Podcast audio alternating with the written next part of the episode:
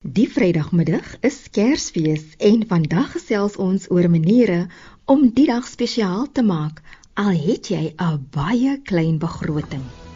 Ek is Olivia Sambo en dis Rand en Sent net hier op RSG 100 tot 104 FM.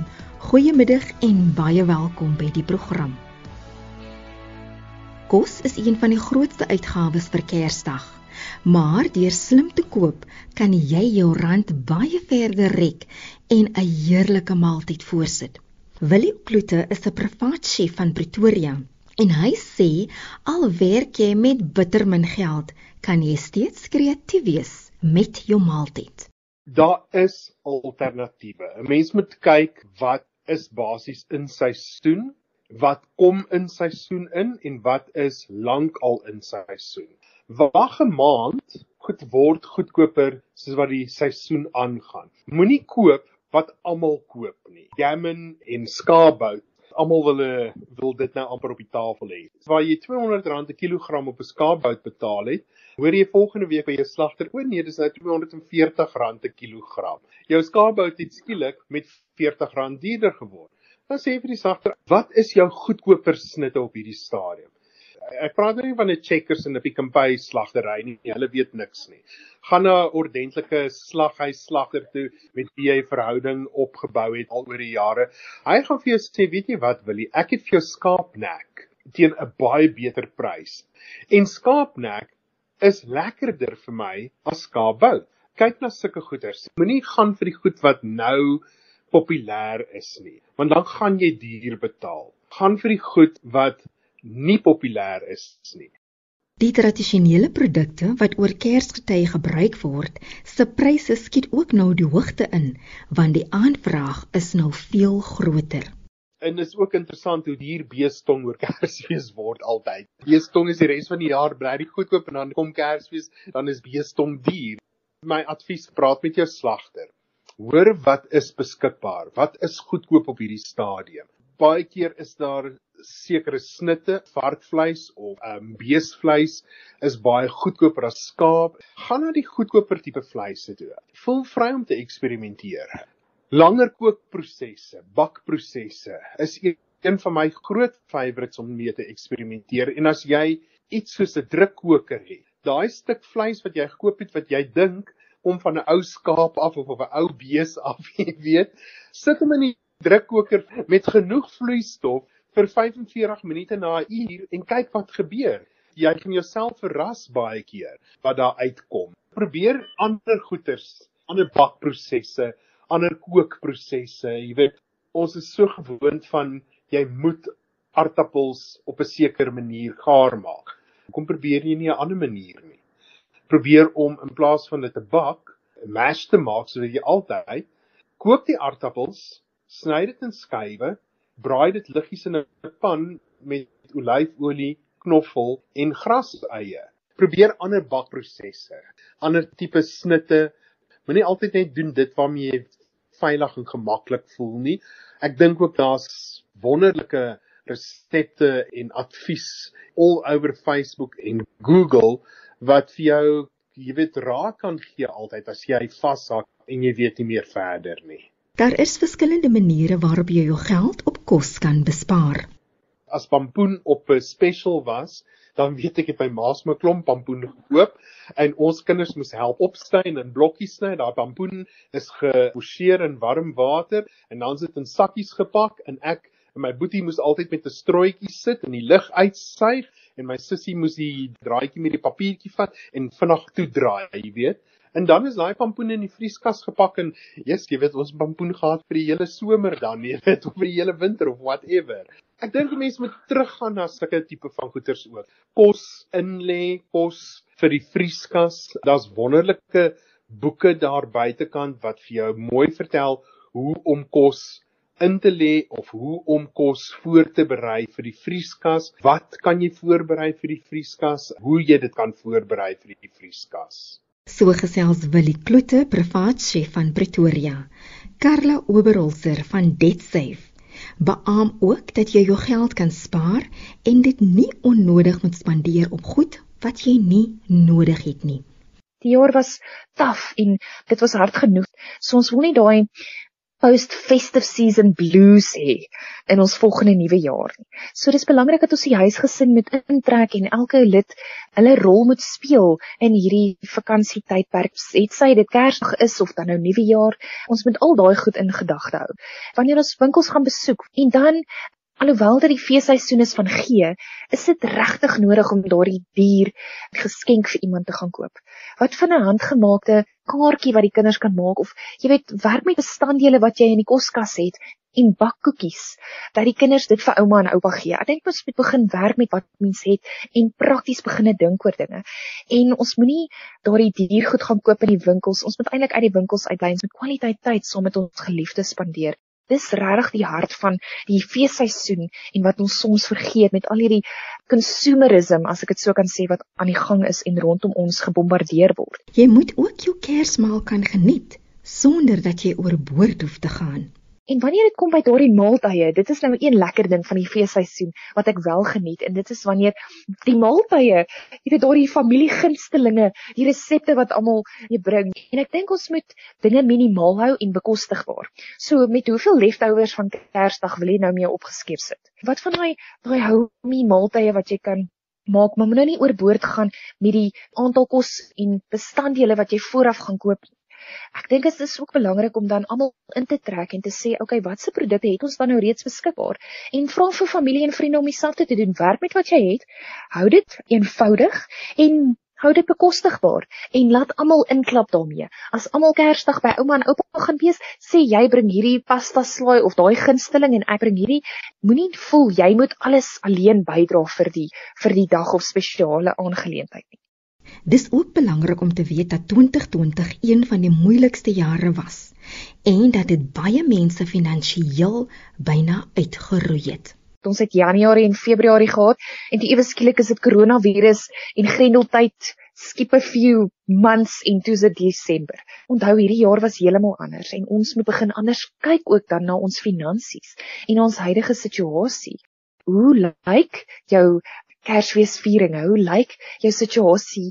Gaan jy na die familie toe? Kan jy hulle insette hê oor hoe jy Kersfees gaan benader hierdie jaar?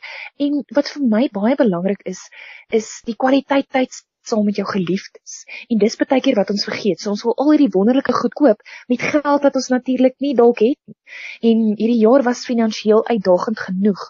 So dit is nie goed om verder ons beursie en ons begroting uit te trek op onnodige goed nie. Dit was Karla Oberholse van DebtSafe in Pretoria. Ek het ook gesels met Willie Kloete, 'n privaat chef ook van Pretoria. Johannes de Villiers is die skrywer van twee boeke, Blydskap en Kalmte in die malle gejaag. Ek het by hom gaan kers opsteek om uit te vind hoe ons die jaar die druk en eensaamheid van die feesseisoen kan hanteer. Die mooiheid van die feestyd, dis hierdie een plek in die jaar wat bekend is, nê. Nee, baie families kom altyd by dieselfde plek bymekaar.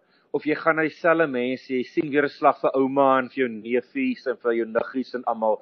Of jy het 'n ritueel, ou Kersaand met die Kersboom, Sondagoggend in die kerk, naai tyd te eet saam, sulke tipe goeders. En ek dink wat vir baie mense hart gaan slaan vir jaar is daai vertroude element wat weg is. Daar's dalk iemand in die familie wat hierdie jaar wat julle aan die dood afgestaan het of verhoudings wat jy uitgewerk het, so hulle is nie meer daar nie. Die plek waartoe jy altyd gegaan het, kan jy dalk nie meer kom nie. Of die familie is dalk geskei, hulle is letterlik in verskillende dele van die land en jy kan nie reis nie oor die situasie waarin ons leef. Of dalk selfs finansiëel is dit so swaar waar jy gewoonlik geskenke uitgedeel het, kan jy nie geskenke bekostig nie en jy moet dit vir jou kinders probeer vertel. Die groot uitdaging vir mense vanjaar gaan moet wees om te erken dat baie keer goeders wat die vertroude rituele, die vertroude gebruike is wat Kersfees altyd vir julle beteken of vir julle feestyd, gaan miskien nou nie daar wees. Die fout wat ons kan maak is te dink, o, dit is nou weg, so nou het ek niks meer nie en nou gaan Kersfees vanjaar nie gebeur nie.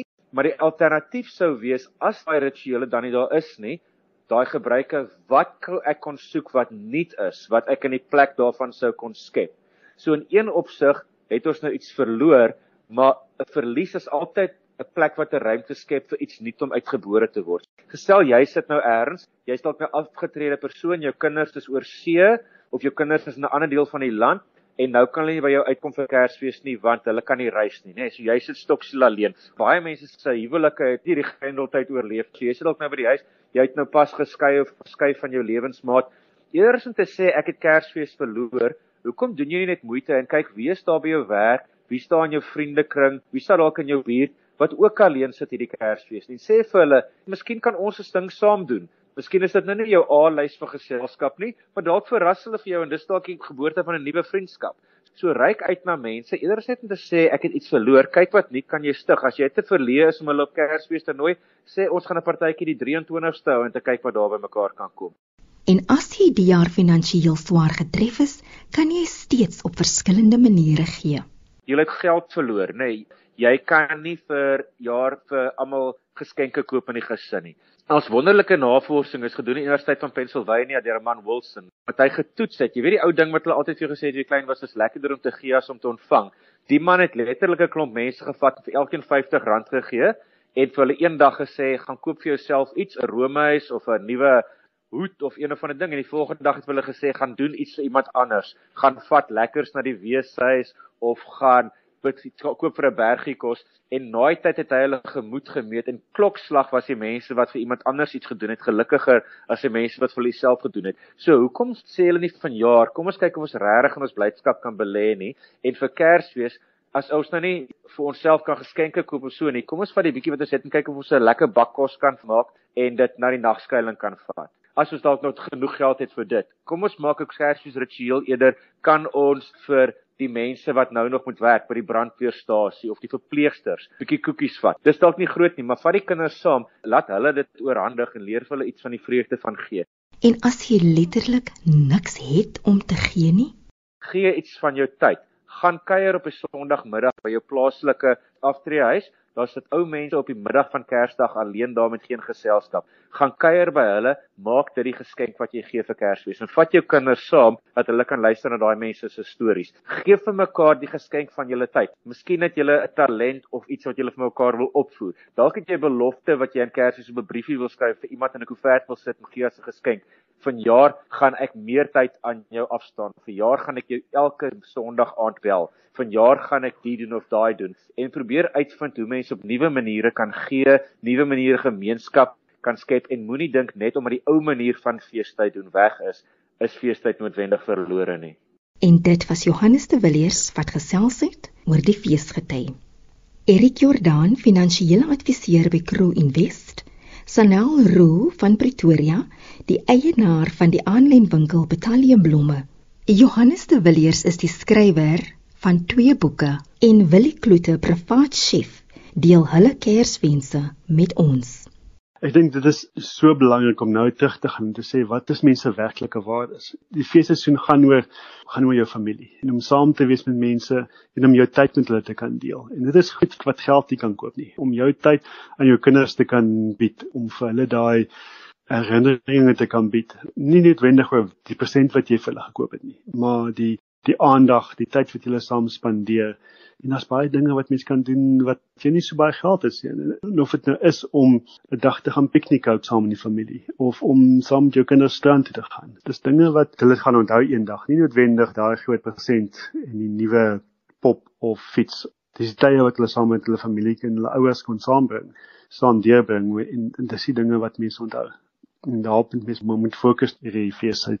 Weet jy wat kort en kragtig? Ek dink ek wens vir almal vrede. Ek dink dis baie belangrik in ons land. En nie net vrede buite jou nie, maar ook vrede vir jouself en gun jouself sielsrus. Um dis iets wat ek nogal moes leer.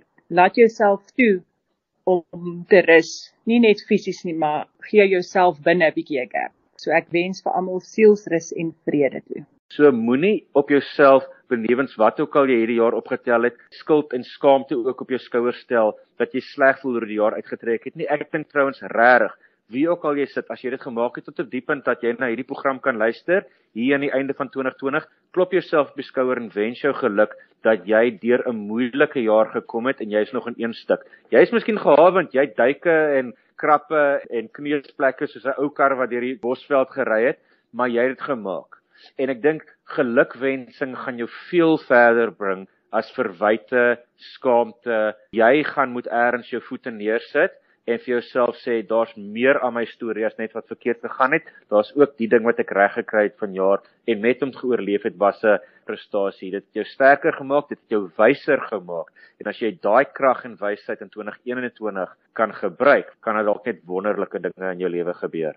My Kerswens is vir almal om vrede te hê en vir elkeen om te voel daar is 'n plekkie vir jou. Maak nie saak wie of wat of waar jy is Jy weet daar is 'n plek vir jou iewerster. Ek dink hierdie Kersfees gaan vir baie mense bitterlik moeilik wees.